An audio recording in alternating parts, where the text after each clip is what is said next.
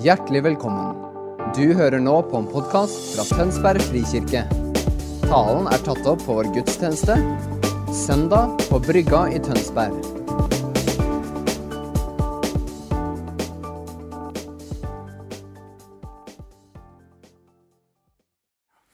Velsigna god søndag og velkommen til eh, en litt annerledes søndag her i Tønsberg frikirke og på Frikirken TV.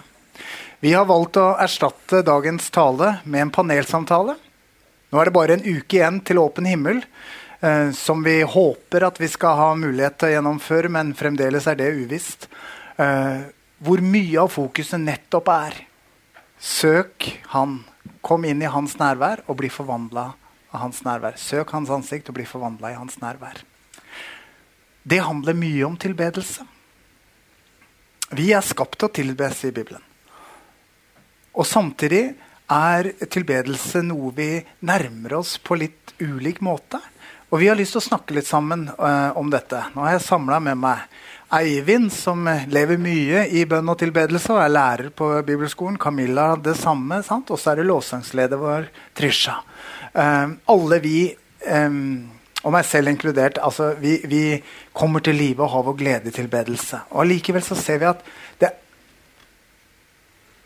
er mange ulike tilnærminger til temaet, og det har vi lyst til å snakke litt åpent om. Um, først og fremst dette her, dere. vi er skapt til å tilbe. Når, vi, når jeg prekte første søndagen i dette året, eh, så var det et stort poeng for meg under overskriften 'Vi er fordi Han er'. Så, så, da var poenget Vi er skapt til fellesskap med Han, vi er skapt til å leve sammen med Han. Og i den relasjonen så er vår naturlige respons tilbedelse. Hver gang vi kommer i, inn i Guds nærvær, eh, hver gang vi får et nytt glimt av Gud, så er vår umiddelbare respons at vi tilber eller at vi takker. Og det er, det er, fordi at det er noe av det helt naturlig menneskelige, det genuin menneskelige, er å gå inn i modus av tilbedelse når vi møter det hellige. Um, har dere noen erfaringer på akkurat den dynamikken der som, som, dere, som dere, kan dele? Ja, det er jo et veldig bra spørsmål. Jeg snakka jo jeg har vært opptatt av hellighet i det siste. og det, naturligvis. Men eh, noe av det som, som, jeg ser, er at i møte med noe av det som er større enn meg sjøl, så skjer det noe inni både i kroppen min og i tankene mine og i følelsene mine, og hele meg responderer. Og Litt på samme måte som hvis jeg tar på et strømgjerde, så responderer jeg med å få, øh, få strømmen med. på en måte. Eh, og Litt det samme skjer da i møte med det, med det hellige, det som er større, med det som er annerledes. Og det skaper jo både en ærefrykt mm. som, eh, som, er bra, holdt jeg på å si. Mm. Eh, og det skaper en Wow, Gud, tenk at vi er på lag, liksom. At vi er partnere. Mm. Det hadde skapt en stor frykt hvis jeg ikke hadde kunnet vært på lag med han. Hvis mm. jeg liksom hadde hatt det mektigste vesenet i universet foran meg, og han er mot meg, liksom. Mm. Da hadde det vært potensielt farlig. Mm. Eller det hadde vært farlig. Men fordi at jeg er på lag med det mektigste og helligste og kraftigste, så skaper det en respons av tilbedelse og av overgivelse Gud. Wow. Dette ønsker jeg. Jeg gir livet mitt til deg. Jeg ønsker å følge deg. Takk. Um, ja. På lag med Gud, sier du, Eivind. Uh, hvordan blir vi på lag med Gud, da? Ja. Nei, for, meg så er på en måte fortellinga fra begynnelsen til slutten i Bibelen hvordan Gud ønsker å gjøre noe i verden. Han har skapt verden. og og så vil han ikke gjøre det alene, men hele hensikten er at han hele veien har med oss. Da, at han ja. gjør det sammen ja. med oss. Når Gud handler i verden, og Gud åpenbarer seg i verden, så gjør han det gjennom menneskene. Og så er jo spørsmålet, I begynnelsen så var det jo bare Israel som var på en måte på lag. Men hele hensikten var jo at de var hans sine partnere for at alle skulle bli med. da. Mm. Og det, fantastiske som jeg elsker når jeg treffer om jeg snakker med folk som ikke kjenner Jesus, eller ja. inviterer de med, er å si ok, du kan være med på det som Gud gjør. Du ja. kan være med på det som skaperen gjør. Du kan være med å skape, du kan være med å forme. Mm. Og det begynner jo med Jesus. Ja. Mm. Så hvordan bli med, det, det, lander jo i Jesus hele veien. Da. Ikke sant? Ja.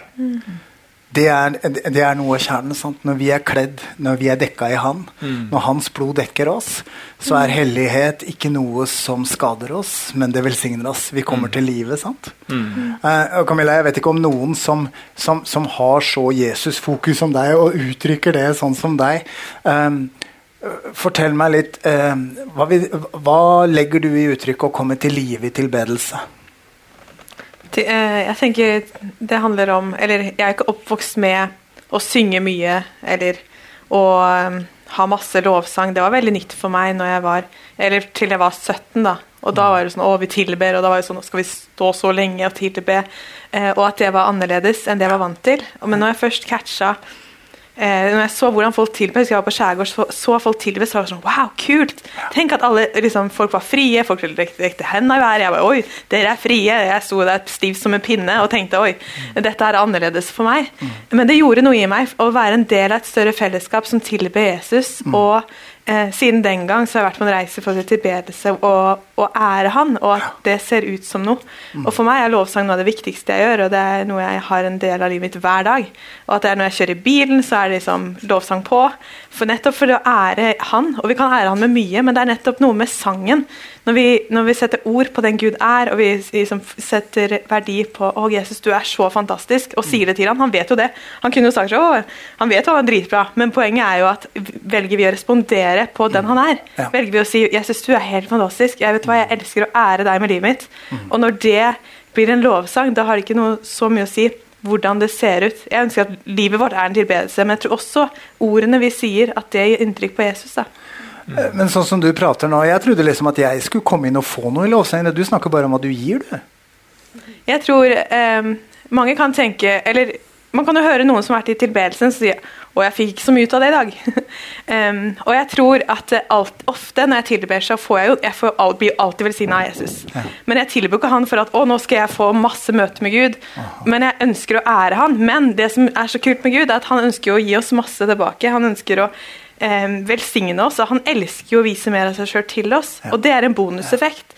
Men jeg tror eh, at vi kommer til tilbedelse, at det handler mer om ok, nå retter vi fokus på deg, Gud. Mm. Får vi et møte med Gud, fantastisk. Får jeg erfare Guds kjærlighet, får jeg erfare Guds nærvær. Det er helt fantastisk, men poenget er ønsker jeg å rette fokus til han. Og så, så klart responderer han når jeg kommer til faren min og sier Hei, pappa. Godt å se deg. Han løper, han løper ikke så mye i møte nå. Det er jo koronatid. Litt avstand. Men, men, på en måte at da er jo han på og ønsker ja. Hva kan jeg gi deg? Ja. Og sånn er Gud også når vi kommer til han. Hva kan jeg gi deg? Hvordan kan jeg være med å velsigne deg? Ikke sant. Og det liker jeg med han, da. Veldig bra.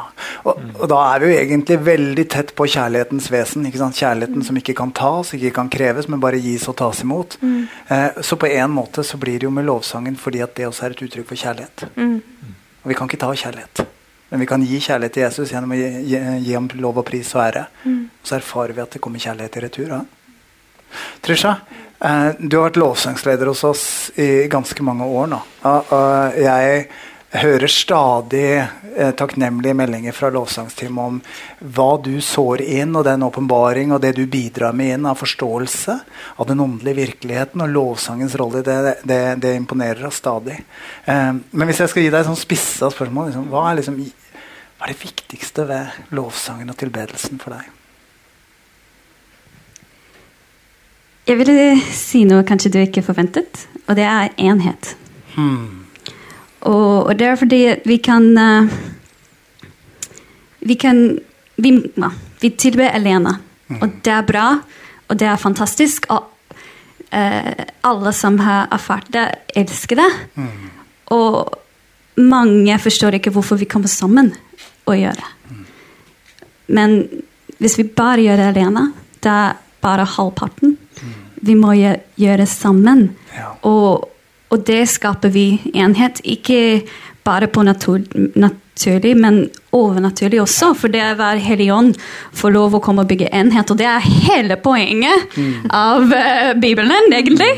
Så for meg det er viktigst, og det er ofte det som er så ikke veldig uh, uh, Det er ikke så lett å, å, forstå. Og når vi kommer sammen um, på en sånn dag, eller virtually og, og, og physically, der um, vi må velge å være en del av yes. den enheten som skjer. Og det er det viktigste for meg. Og vi kan ikke gjøre det hvis vi ikke gjør det alene. Å ha den personlig, individuelt uh, tid med Gud. Men vi må også gjøre det sammen Det er, Så viktig. det er så viktig. Så viktig. Ja. Og det eh, Det er jo ikke helt fremmed for meg, det du sier, men det er veldig gøy at du sier akkurat det, fordi det knytter an til den erfaringa av de plassene hvor det har vært veldig lett for meg å bare connect, eller bli med i lovsangen, er jo de plassene hvor alle bare liksom er fokuserte på å tilbe fra første stund. For i det øyeblikket alle retter fokus mot Jesus samtidig, så skapes det en enhet i rommet som er en åndelig enhet, og, så er, og plutselig ble det veldig lett. Og Det er et apropos til oss søndag etter søndag, og når vi skal ha åpen himmel om en uke. da. Vi kommer ikke her for å få, har Camilla lært oss. Vi kommer i enhet for å gi vår kjærlighet til Jesus, og ut av det blir det, blir det mye velsignelse. da. I den første talen i år så, så gjorde jeg et stort poeng ut av at lidenskap og passion er noe gudegitt som er lagt ned i oss. Eh, med én hensikt, nemlig at vi skal søke Han. Um, så med andre ord, det at vi lengter, det at vi har lidenskap eh, Og noen ganger slår det ut i begjær. da, og Begjær er på en måte lengsel pervertert, eller lengsel på avveie. Men, men det at vi har lengsel i oss, det har Gud designa sånn fordi at vi skal tilbe Han. Og det er min påstand av dere at alle mennesker tilber. Spørsmålet bare er hva er det du tilber? Uh, er du uh, også som kristen? For meg dere, var det et paradoks. Uh, for lenge klarte jeg ikke å liksom, hente fram den passion i, i, i Jesuslivet mitt som jeg kunne ha på helt andre plasser. F.eks. hvis jeg begynte å snakke om bil og de nye modellene. Bil, ikke sant? Metallkasse med fire hjul. Men jeg hadde passion. Uh, hvis folk kommer fra ulike steder da, i forhold til dette med tilbedelse, og så holder vi fast nå at det handler om å gi Jesus tilbake vår kjærlighet. Og det handler om at vi kommer i enhet. Da er det ikke om jeg liker eller ikke liker uttrykket, men det er Jesus som er fokus, og vi kommer sammen i enhet på den plassen. Hvordan, hvordan kan vi liksom Fins det noen broer mellom passion og lidenskap? For alle sammen tror jeg vi klarer å knytte an til det. Og inn til tilbedelsen. Noen av dere? Noen av dere som har lyst til å si noe om det? Det første som jeg tenker, er jo Jeg er veldig opptatt av mange av de ordene vi bruker. Nå jeg tenker jeg mest på sang. da, Tilbedelse er jo et helt liv. Men hvis vi tenker på sangen, så en av uttrykksformene så sier vi f.eks. 'verdig er du, Gud'. Mm. Eller 'pris deg', eller 'vi tilber deg'. Og så bruker vi disse, eller 'du er konge'. Um, og så er det alltid at vi er opptatt av liksom, okay, hva betyr, hva ligger i disse uttrykkene. Og f.eks. det med 'verdig' da, betyr jo at ok, Gud, du er mer verdifull enn alt annet. Du er verdig min pris. Altså, du er verdig mitt liv, min energi, mine tanker, mitt fokus. Du er så verdifull i mitt liv at jeg velger å gi deg alt da. Ja. Eh, Og det er noe med det når man ser på, på lidenskapen og, og retninger, så kan du på en måte jeg kan bruke hva enn jeg har i livet mitt til å gi verdi til Gud. Yes. Jeg kan, jeg kan, om jeg spiller volleyball, så kan jeg bruke det og rette det mot Gud. Ja. men, men det er noe med det å se at hva er det som er mest verdifullt. Med en gang noe annet blir, med en gang volleyballen blir mest verdifulle som jeg har, så begynner jeg på en måte å tilbe det. For det er det som har høyest fokus, det er det som har høyest verdi, og det er der jeg retter livet mitt. Men hvis jeg får lov til å ha Jesus som det mest verdifulle, så er ikke det en sånn konkurranse til volleyballen. Det er ikke sånn enten-eller. Ja. Men det er Jesus som mest verdifull, og så retter jeg alt jeg har mot han Yes. i livet mitt. Ja, det er fint. Ja. Det knytter an til min erfaring også, når jeg kommer opp på en fjelltopp. Uh, så jeg elsker naturen, liksom. Uh, uh, men, men når jeg når den der toppen og det flagget og den kassa kan skrive navnet mitt inn der, så kjenner jeg liksom det er spontant lovsangen som kommer ut til meg. Takk, gode Gud. Du som har gitt meg livet, og som har skapt dette jeg får lov til å bevege meg i. Og det der er interessant, er det ikke det, dere? Når, fordi øyeblikket vi, i det øyeblikket vi tilber de tingene vi kan tilbe med, så er vi avgudsdyrkelse. Men det de øyeblikket vi bruker i takknemlighet, de tingene livet gir oss, som tilbedelse, så blir det plutselig et helt liv i tilbedelse. Det, det er jo noe med det, for det, Når du står på det fjellet, ikke sant, så er det jo lett Moder jord er jo et uttrykk som Mm. blir litt brukt. Og som jeg tenker, det er jo Nå nærmer man seg på grensa til avgudsdyrkelse. Ja. Skjønner? For det, eller hvis du står på det fjellet og bare 'Takk, fjell, for at dette er så fint', liksom. Wow, du er god. Det må være noe, det må være noe guddommelig inni dette fjellet siden det er så fint. Eller dette treet her, eller denne sjøen, eller denne moder jord. Ja. Du må være guddommelig i deg sjøl. Fordi at det er så vakkert. Og da er det pervertert. Da er det avgudsdyrkelse. Mm. Men med en gang man ser Wow, du fjell, du er hellig, du er guddommelig fordi du er skapt av Han. Mm. Så gir man fjellet i seg sjøl har en verdi, men ikke fordi at det har en egenverdi, men fordi det har en verdi fordi Han har skapt det. Og da retter alt av tilbedelse seg mot Så viktig. Ja. Og Dermed kan det sterkeste, det mest talentfulle i våre liv, enten bli gjenstand for avgudsdyrkelse, hvor vi dyrker vårt talent, eller det kan bli tilbedelse, fordi vi gir det til Han og gjør det med Han. Hårfine nyanser, på en måte. Ja. Um, Camilla, så lenge jeg har kjent deg, så, så er du en av de som, så, som veldig sånn tydelig responderer på Guds nærvær. Sånn har det bare alltid vært. Um, jeg har lyst til at vi skal snakke litt om følelser og tilbedelse. Følelser og lovsang. Fordi at når vi kommer inn i lovsangen, så, så er det mange, og jeg, meg selv inkludert, har sikkert gått opp på scenen etter en god lovsangsøkt også. Og jeg sier, Å, fantastisk, dere, dette var sterkt. Nå er Gud virkelig til stede. Som om han var mer til stede nå enn for et øyeblikk siden.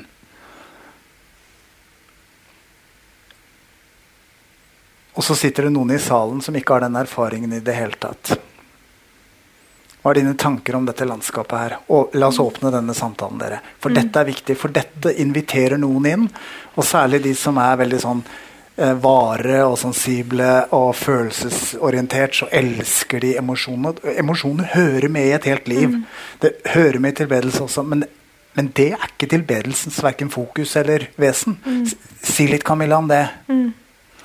Jeg tenker at eh, det handler jo mye om tilbed... Eller sånn, I Guds nærvær, når jeg kommer i, lovsang, eh, så kjenner, jeg ofte Guds nærvær veldig fysisk, og det ser jo kjemperart ut. og Det har vært min, erfaring siden jeg var 18 år, at jeg har erfart Gud på den måten. Og jeg var kjempeskeptisk før det. Det er jo en lang historie. Men, eh, men så spurte jeg Gud Gud, er du ja, hvis dette er deg, og så møtte han meg på den fysiske, fysiske måten. da, Og siden det har Gud møtt meg på den måten. Um, og for meg er det så viktig at Guds nærvær På et møte så er det ikke den som eh, på en måte erfarer Guds nærvær veldig synlig, er den som opplever Gud mest, eller at den som er, har best intimitet, intimitet med Jesus. Eller, men det handler mer om at Gud møter oss på ulike måter. Og for meg så møter han meg veldig fysisk. Og eh, Jesus er i alle sammen. Når vi er kristne, så Jesus er overalt. Eh, men poenget er at bare Gud møter oss forskjellig. Og, og jeg tror at det gjør noe med oss når noen da, Når en person for eksempel, har et møte med Gud, så gjør det noe med oss som fellesskap. Når vi ser at oi, Gud møter den personen, og da, kan vi, og da har vi et valg. Enten så kan vi bli der oi, Gud møter ikke meg på den måten, og du kan få et hardt hjerte og bare tenke nei, nei, det der er ikke Gud. Eller så kan du se oi, det er et annet, det er kult at en person møter Gud sånn, fordi det viser oss et større bilde av hvem Gud er. Og det er jo sånn Når en person kan sitte i, i lovsangen, plutselig får en businessidé, eller plutselig så får man en, en idé Oi, dette skal jeg gjøre. Og det er Guds nærvær, at Gud møter oss på ulike måter. Men jeg tror at det er viktig at vi ikke søker erfaringene, men at vi søker Han. Og er erfaringen at oi, vi fikk erfare mye av Guds kjærlighet, eller noen ganger så kjenner vi at ja, Gud ønsker å komme med sin fred, og så forløser vi fred over hele menigheten. Og da er det kanskje noen i salen der som sitter med ufred, og som trenger å erfare Gud som, en, som, en, som gir fred. Og det er noe med det å, å gi rom for at Gud møter oss forskjellig, men at vi ikke søker det. Og, og for min del så er det å gi rom for det også, at vi har rom for at vi kan møte Gud forskjellig. da. Ja. Kanskje går det an å spissformulere det og si at følelsene som kommer eh, i deg i møte med Gud i tilbedelse, sier ikke så mye om Gud, det sier mye om deg. Og da kan vi slappe av litt. Fordi at hvis Gud møter deg på en måte Camilla, som gir en følelse i deg, så, så Gud er den samme for oss alle. Men, men han møter deg på den måten fordi du trengte det. Sånn. Og kanskje skal vi spore han litt. da. På hvilken måte kjenner jeg meg elska? Og på hvilken måte gir jeg kjærlighet i det naturlige? For hvis tilbedelse handler om å gi Gud kjærlighet, så er det jo dumt hvis du er en sånn nøktern, logisk orientert, hodesterk fyr som eh, virkelig tar den ekstremt langt hvis du formulerer to setninger til din kone om eh, følelsene du har på innsiden, så er det ikke å forvente at du liksom skal bli en sånn veldig passionate, lidenskapelig tilbeder. Mm. Da ser kanskje tilbedelse ut som noe annet også. Hvis mm. kjærlighetsspråket ditt ser ut sånn. Gir det mening? Mm. Ja. Um, hvordan skal vi manøvrere Trisha, i dette landskapet? Uh, manøver. Eh, hvordan skal vi liksom finne fram her både være i og ta på alvor hva Gud gjør inni oss, og samtidig ha fokuset på rette sted. Dette, dette trenger vi en lovsangsleder til å si litt om, tror jeg. Ja. Kanskje jeg må bytte til engelsk? Ja, men du kan det. Ja. Um, I think there's such a difference from when we're at home by ourselves and the experience of God's presence and when we come together. when we come together, the focus should never be on our personal experience. Mm. Um, and I think it doesn't mean that we don't have a personal experience at all. It's just our focus is actually um, in faith that God's moving amongst us together. Mm. And we are being led, and we allow ourselves to be led rather than you know, singing our own song or having our own little moment mm. because that's what we need. But instead, putting our focus on Him um, and joining together in faith to to see what He is He is doing. And I think when we do that, that's when the Holy Spirit is completely free to move and to meet in ways that He wants to. Yeah. There's so much in the, the New Testament and in the letters that, that talks about what to do when we come together, how to treat each other, what we're supposed to do. Like um, in the, I've got this in Norwegian actually, in the, help me, Corinthians? Ja, Korinterne. There we go. 1426. Når dere kommer sammen, da har hver enkelt av dere en salme, en lære, en åpenbaring, en tunge eller tydning. La alt skje til oppbyggelse. Mm. Det ikke handler om hva vi vil, eller hva vi trenger. Det handler om hva vi sammen mm. gjør sammen. Det er alt for den um, that corporate um, moment and experience. And this is when it's really important when we get a little kind of, oh, maybe the Holy Spirit wants to do this. It's, it's testing, is this going to build mm. us collectively? Mm. Or is this a little individual moment that I need to have with Him later? Mm right? And this is like a, a, thing that we can fall into to problems, especially worship leading. If we lead a personal experience and invite everyone to participate in that personal experience, I'd say we're actually not doing it right. Mm. That's not the idea. But we can't lead if we don't have personal experience, right? Mm. So um, I think emotions kind of tie really into that because emotions are a response, but they're not what leads us. Mm. Spirit of God leads us. Oh, yeah, yeah, and we can have an emotional response to that. Ah, and that's good and that's great. And we should take notice of that. But our responses shouldn't be what actually lead us because that might not be Him. På norsk. Mm. Ja, gjør det. det er ikke følelsene som skal lede oss i tilbedelsen, det er Helligånd. Det er bra. Så bra. Og dette, å, dette er så bra. Og dere, denne forskjellen da på den intimiteten som vi kan ha med Herren når vi tilber på egen hånd, hvor det er bare han og jeg, når jeg og Jesus alene er, vet du den gamle salma, ikke sant? Uh, uh, det er noe annet enn når vi kommer sammen i fellesskap. Og da bør forventningen vår være annerledes også. Ja, kjempe, kjempebra. Jeg har lyst til at vi de siste minuttene skal fokusere på noe litt annet. Uh, nemlig det faktum at vår tilbedelse har impact på Gud. Får konsekvenser i det åndelige, ja, men i himmelen. Og jeg tror det er sant, da, fordi Bibelen viser oss det. Vi ser hvordan Moses driver og dealer med Gud, eller forhandler med Gud, og Gud ombestemmer seg. Jeg elsker det perspektivet. At vi mennesker, med alt vi er og ikke er, har muligheten til å påvirke Gud. Fordi at det gjør det på alvor, da, at dette er en ekte relasjon. Det er ikke sånn at Gud er statisk og ferdig og definert, og så er det vi som prøver å liksom tilpasse oss den virkeligheten. Men han er levende, og vi er levende, og så skjer det noe her. Har dere noen tanker om dette landskapet før jeg stiller noen spesifikke spørsmål? Så åpne det for oss. For for meg er dette en stor del av motivasjonen for tilbedelse. Å gi han ære absolutt. At det er et uttrykk for kjærlighet absolutt.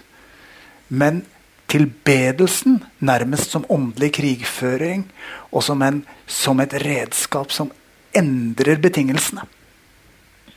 Det skjer noe i tilbedelsen som forandrer noe i det åndelige, og som setter ting i rette stand. Det opptar meg veldig. Hva tenker dere om det?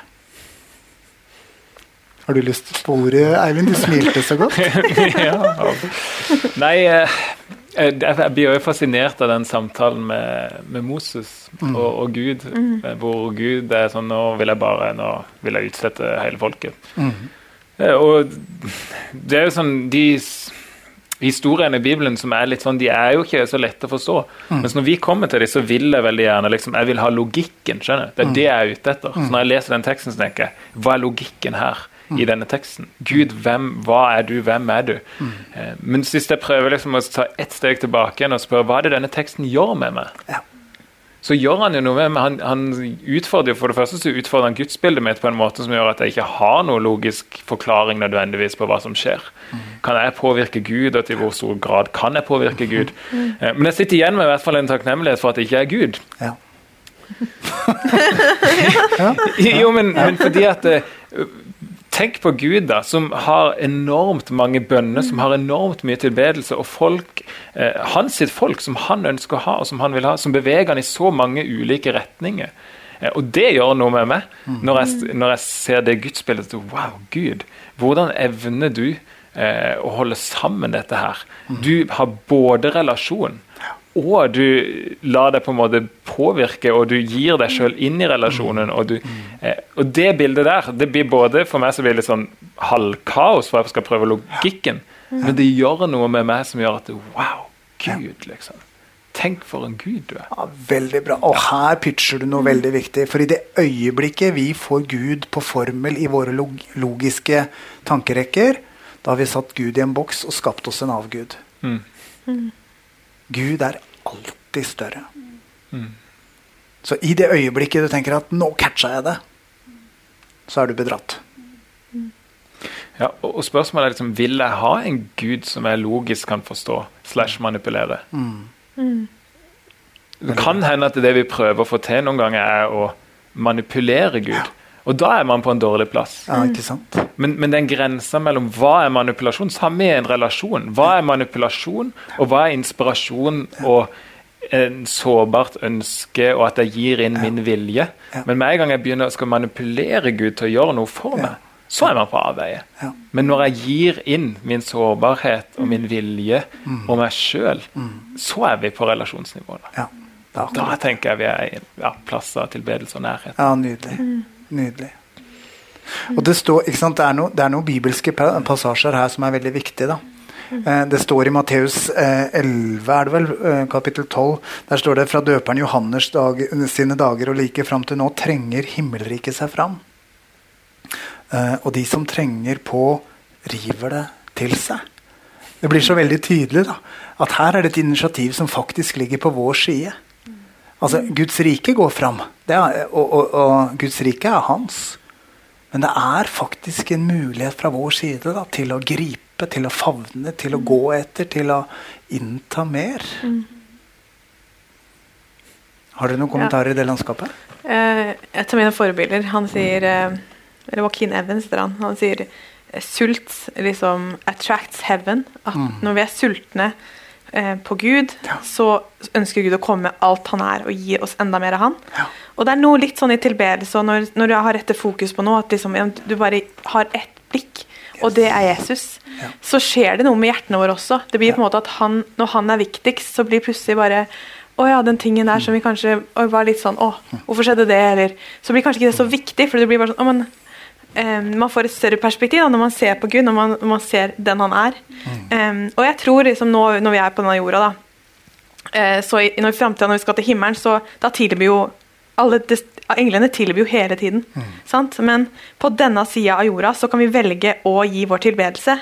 Og det er jo nettopp da, når på en måte det Min erfaring er tilbedelse er ikke sånn bare jeg føler for det. så det er Mange dager jeg kan være trøtt. Vi har bønnebøtt om morgenen og bare sånn, sover litt lite i natt. Um, ikke fordi jeg, jeg, har ikke kids, men, men, noen ganger så legger jeg meg seint. Og da, da, kan jeg komme hit og bare kjenne åh, ja, vi skal tilbe, liksom. Og jeg er trøtt. Eh, da kan jeg velge enten å være kobla av, eller jeg kan koble meg på og si Jesus, dette er en offer for meg. Du ser at jeg er trøtt. Kunne lagt meg tidligere, men, men, jeg, men jeg, ønsker å tilbe deg, og det er et valg. Eller det er, det er en, i noen sesonger der det er utfordrende. Jeg kjenner at nå er det faktisk utrolig krevende å skulle tilbe Gud allikevel som man står oppi noe som er krevende. Og da velger vi da å rette blikket på Jesus, velger vi å tilbe Han. Det tenker jeg er et fantastisk offer som vi kan gi til Gud. Og det er noe med det i, i Gamle testamentet også ser vi at de valgte å gi tilbedelsesoffer. Og, og ser liksom hvordan David sier 'Jeg har det helt forferdelig, Gud'. Jeg priser deg.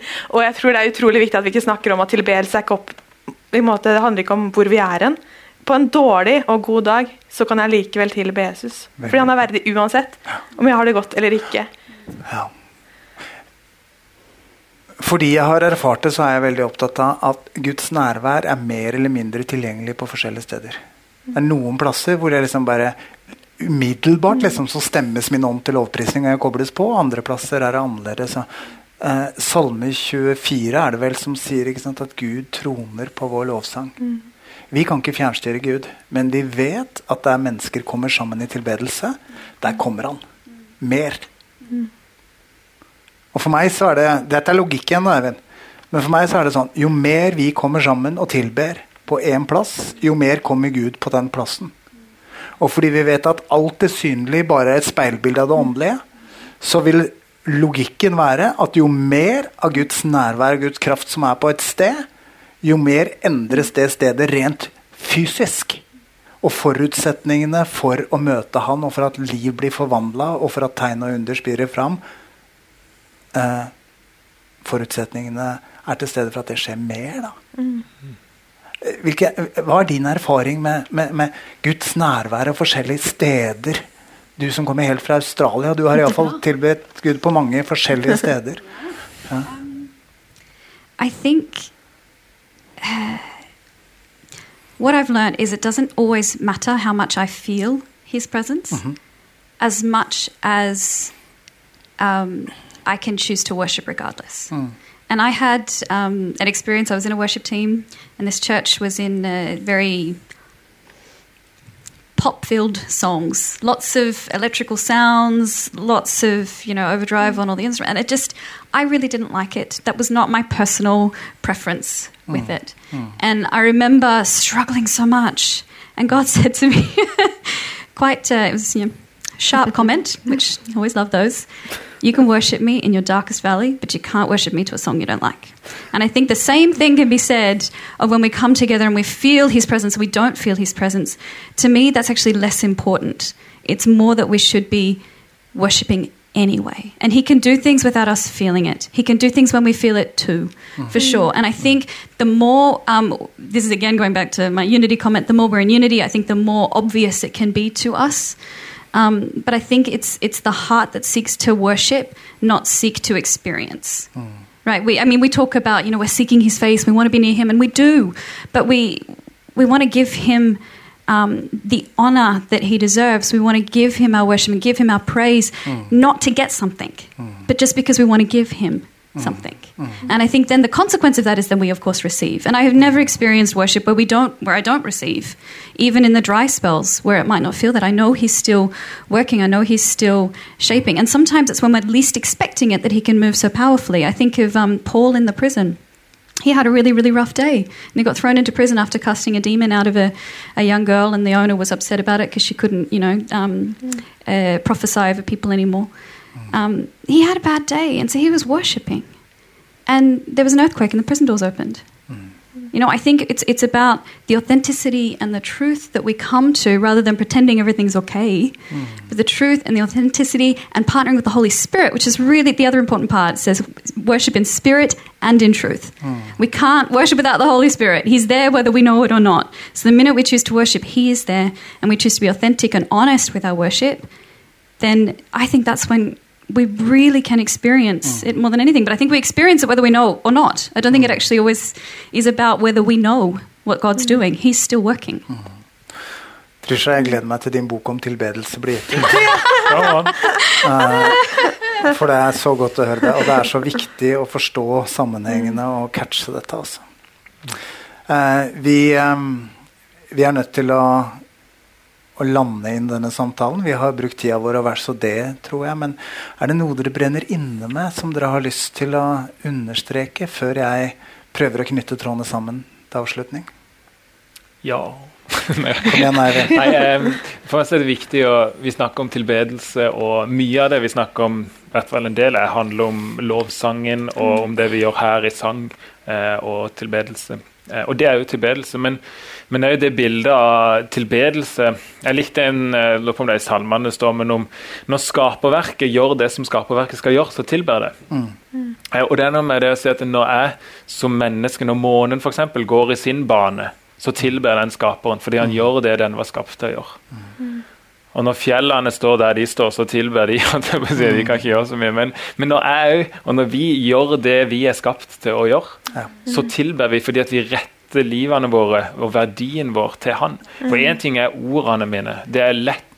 Det er det aller aller letteste å rette ordene mine til Han. Men, men å gi livet mitt, som du snakker om, som et offer, og si Gud dette livet her, de, de melodiene som det spiller når jeg velger å stå på det stedet eller ha den jobben som du sa jeg skulle ha, når jeg kanskje ikke hadde lyst til å ha den, eller når jeg velger å ta den samtalen med den personen som jeg ikke har lyst til, men jeg gjør det fordi at du sa det.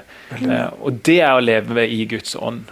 At man lever, og man, livet mitt tilber Han som et levende Ja. offer. Ja. Og Da er vi på tempelet som funksjon, og vi er på alle de bibelske ja. bildene som lander inn i at livet vårt tilber ham. Det var viktig bra. å understreke på slutt. Veldig bra, Eivind. Og det, det er en fantastisk bro over til det jeg hadde tenkt å oppsummere med.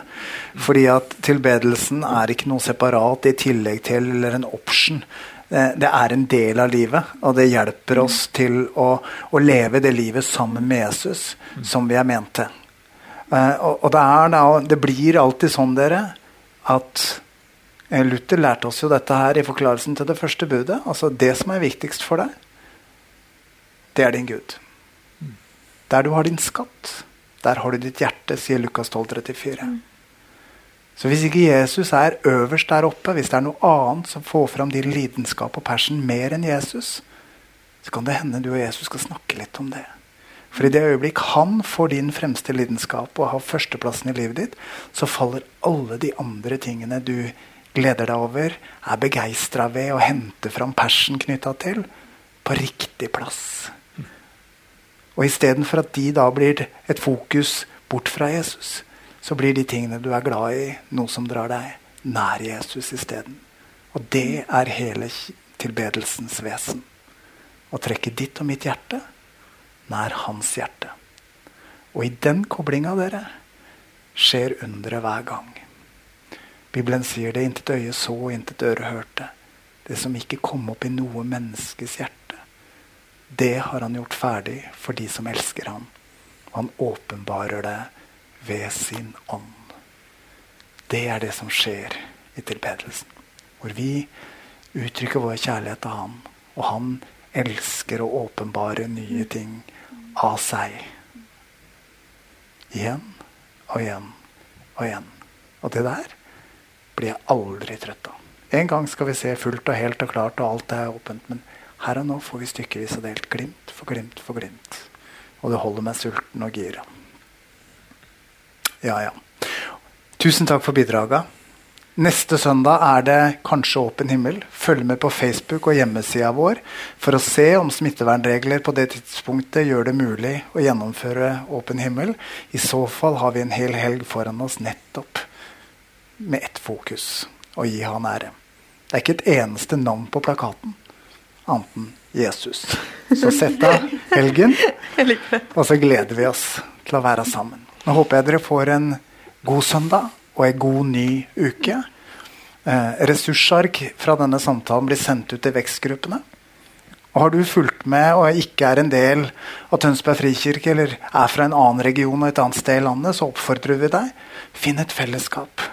En god Jesusfokusert og bibelfokusert menighet som du kan både uttrykke tilbedelse i eh, og leve Jesuslivet ditt i fellesskap med. For du er skapt til fellesskap, og du er skapt til å tilbe. Vi skal avslutte med det aller beste. Ta imot velsignelsen. Herren velsigne deg og bevare deg.